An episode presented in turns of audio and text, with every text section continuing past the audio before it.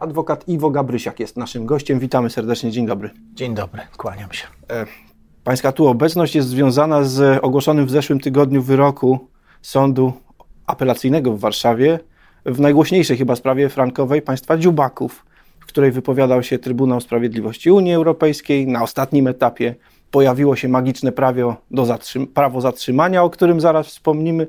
A mnie przychodzi do głowy zapytać pana, tak jak tak klient czasem pyta adwokata po sprawie, to ja przegrałem czy wygrałem? Kto wygrał tę sprawę, panie mecenasie? Zdecydowanie konsumenci, to znaczy państwo Dziubak wygrali tę sprawę. Y, I to nie może budzić wątpliwości.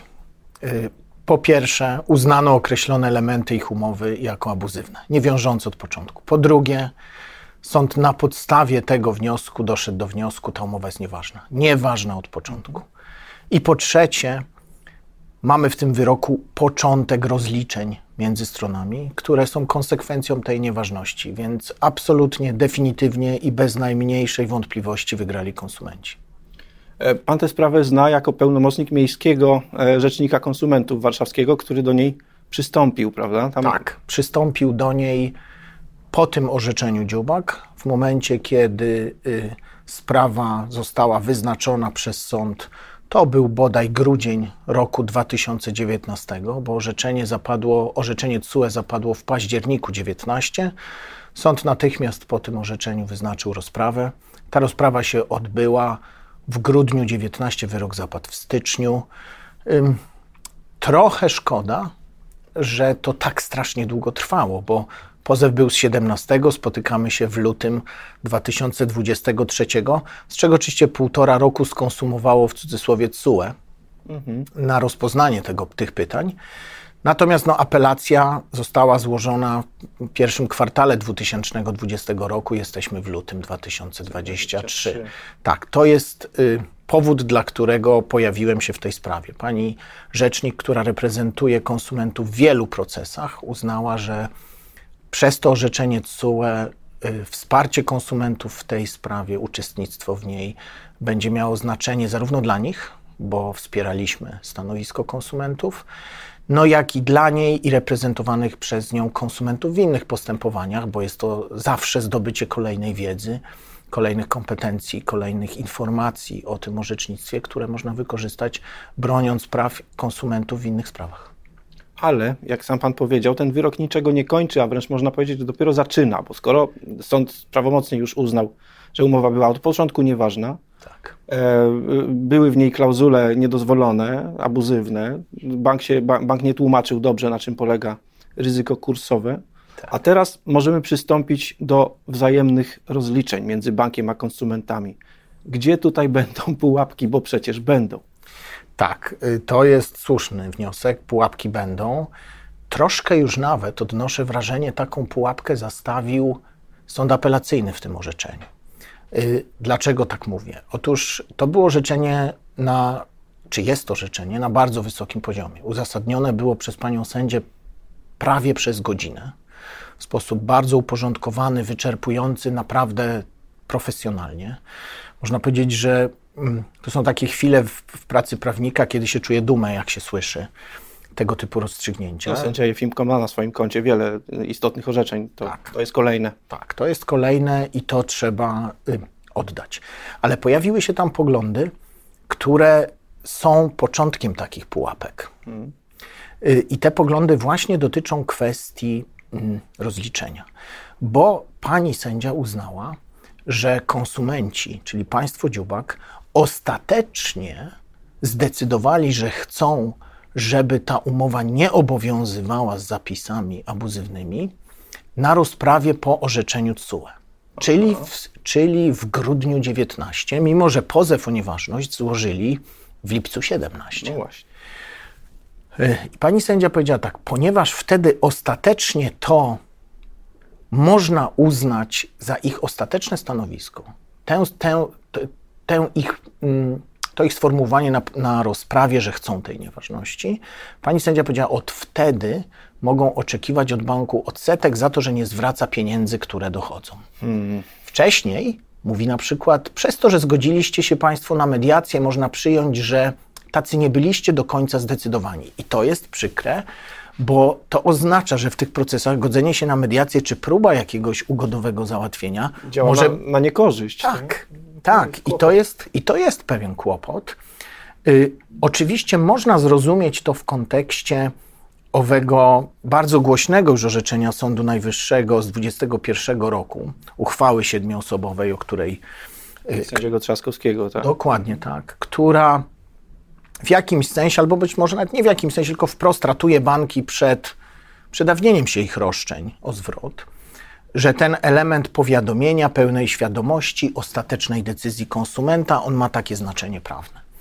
No ale w tym momencie to pojawi się pytanie, czy jest sens, żeby się w ogóle na jakieś mediacje godzić, czy jest sens, żeby być otwartym na jakąkolwiek rozwiązanie o charakterze ugodowym, skoro można za to zapłacić. To jest pierwsza pułapka. I druga, to co już Pan zasygnalizował, czyli prawo zatrzymania. Właśnie, ono się pojawiło zupełnie niedawno. Zdaje się, że wcześniej, no, może nawet najwybitniejsze tęgie głowy prawnicze nie wpadły na to, że można użyć tego instrumentu, nie, nie nowego przecież, prawda? To prawda. Wyjaśnijmy, na czym polega. Prawo zatrzymania. Y, najprościej to można by wyjaśnić w ten sposób. Pozywam pana o 200 zł Tak. i mówię, proszę mi oddać 200 zł. Pan mówi, nie, nie oddam 200 Bo zł. nie jestem panu winien. Tak, ale gdyby sąd chciał zasądzić, to chce zatrzymać 200 zł w swoim majątku i w mojej kieszeni, dopóki nie zabezpieczysz mi roszczenia, które ja mam do ciebie o 500 zł. I sąd powiedział tak, tak, bank zostawia sobie w majątku pieniądze, które wpłacili państwo Dziubak, wykonując umowę nieważną i może to w tym majątku trzymać tak długo, jak oni jemu zaoferują zwrot kapitału kredytu, który ten im udostępnił. Oho.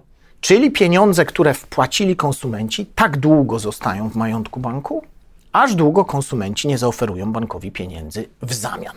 Czy to jest nowe postępowanie sądowe, panie mecenasie, czy to jest sprawa do dogadania się z bankiem poza sądem? Y, powiem tak, wszystko jest teoretycznie do dogadania się poza sądem. Dogady, dogadywanie się z bankami jest, jest, jest, mam wrażenie, że czasem trudniejsze niż y, y, polecenie na księżyc. Mimo tego, że obie strony zawsze deklarują, że są otwarte na rozmowy.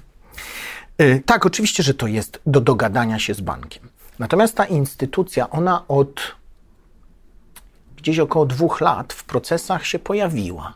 Ją zasygnalizował w tej uchwale Sąd Najwyższy, więc ona stąd się pojawiła. Y, Jest wiele sytuacji, kiedy sądy w mojej ocenie słusznie nie uwzględniają tego zarzutu, ale Sąd Warszawski apelacyjny jest akurat sądem takim, który lubi ten zarzut i go uwzględnia. I mm, na tej rozprawie y, robił to zawsze z pewnym przekonującym argumentem, mianowicie takim, że prawo zatrzymania to jest forma zabezpieczenia. No tak. Czyli bank będzie zabezpieczony, y, bo przecież musi, musi dojść do wzajemnego rozliczenia. I powiem panu szczerze, że w tej sprawie państwa Dziubak to oświadczenie o zatrzymaniu pojawiło się bardzo niedawno, tuż No przed tą rozprawą. No, ostatnią tak. Tak. I jeszcze jedna ciekawa rzecz. Równolegle z tym prawem zatrzymania bank o te same pieniądze, które chciał zatrzymać w tym procesie, państwa Dziubaków pozwał.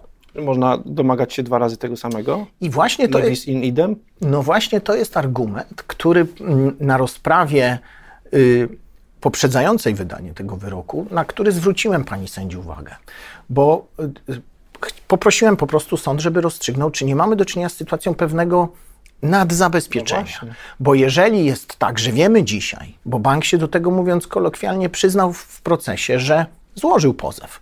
I złożył pozew o całe 400 tysięcy, które pożyczył państwu dziubakom, to pojawia się pytanie, skoro tam chce wszystkich 400, to czy powinniśmy mu część, czyli 180, które dochodzili państwo dziubak, zostawiać w tym majątku?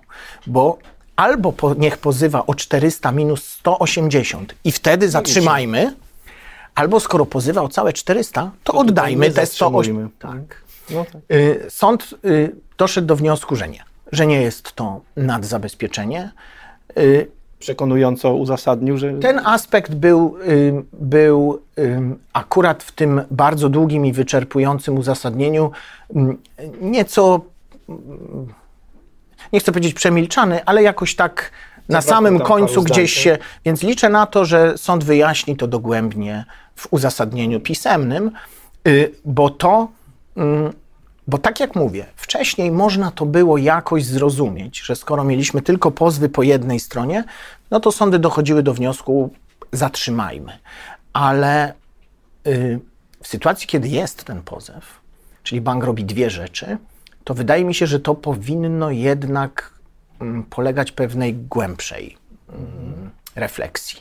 No bo z drugiej strony trzeba chyba też powiedzieć, że nie byłoby sprawiedliwe, gdyby w pewnej chwili można było powiedzieć, że to jest mieszkanie za darmo darowane przez, przez, przez, bank. Skoro te zapisy umowy były takie niedobre, to odpowiedzialność banku jest aż tak daleko posunięta, że teraz trudno nie odzyskać tych pieniędzy. Tak? Co pan ma na myśli, mówiąc y, y, y, mieszkanie za darmo? Czy pan ma na myśli sytuację, że ktoś oddaje kredyt bez żadnego wynagrodzenia? Czy pan ma wręcz na myśli sytuację, że ktoś może odzyskać wpłacone pieniądze i nie płacić bankowi, nie zwracać kredytu, bo jego roszczenie jest przedawnione? No. Mam na myśli zarówno jedno i drugie, panie mecenasie, ponieważ Rozumiem. spotykamy się z tego rodzaju wnioskami w rozlicznych postępowaniach. To znaczy, dzisiaj jest to podstawowy sztandar, pod którym idą banki. No właśnie. To jest sztandar sprawiedliwości. E, oparty na tezie, że nie może być przecież nic za darmo. I generalnie można powiedzieć, no jest to teza niekontrowersyjna, bo w świecie tak jest, tak że nie ma nic za tak darmo. Wydaje, tak. tak.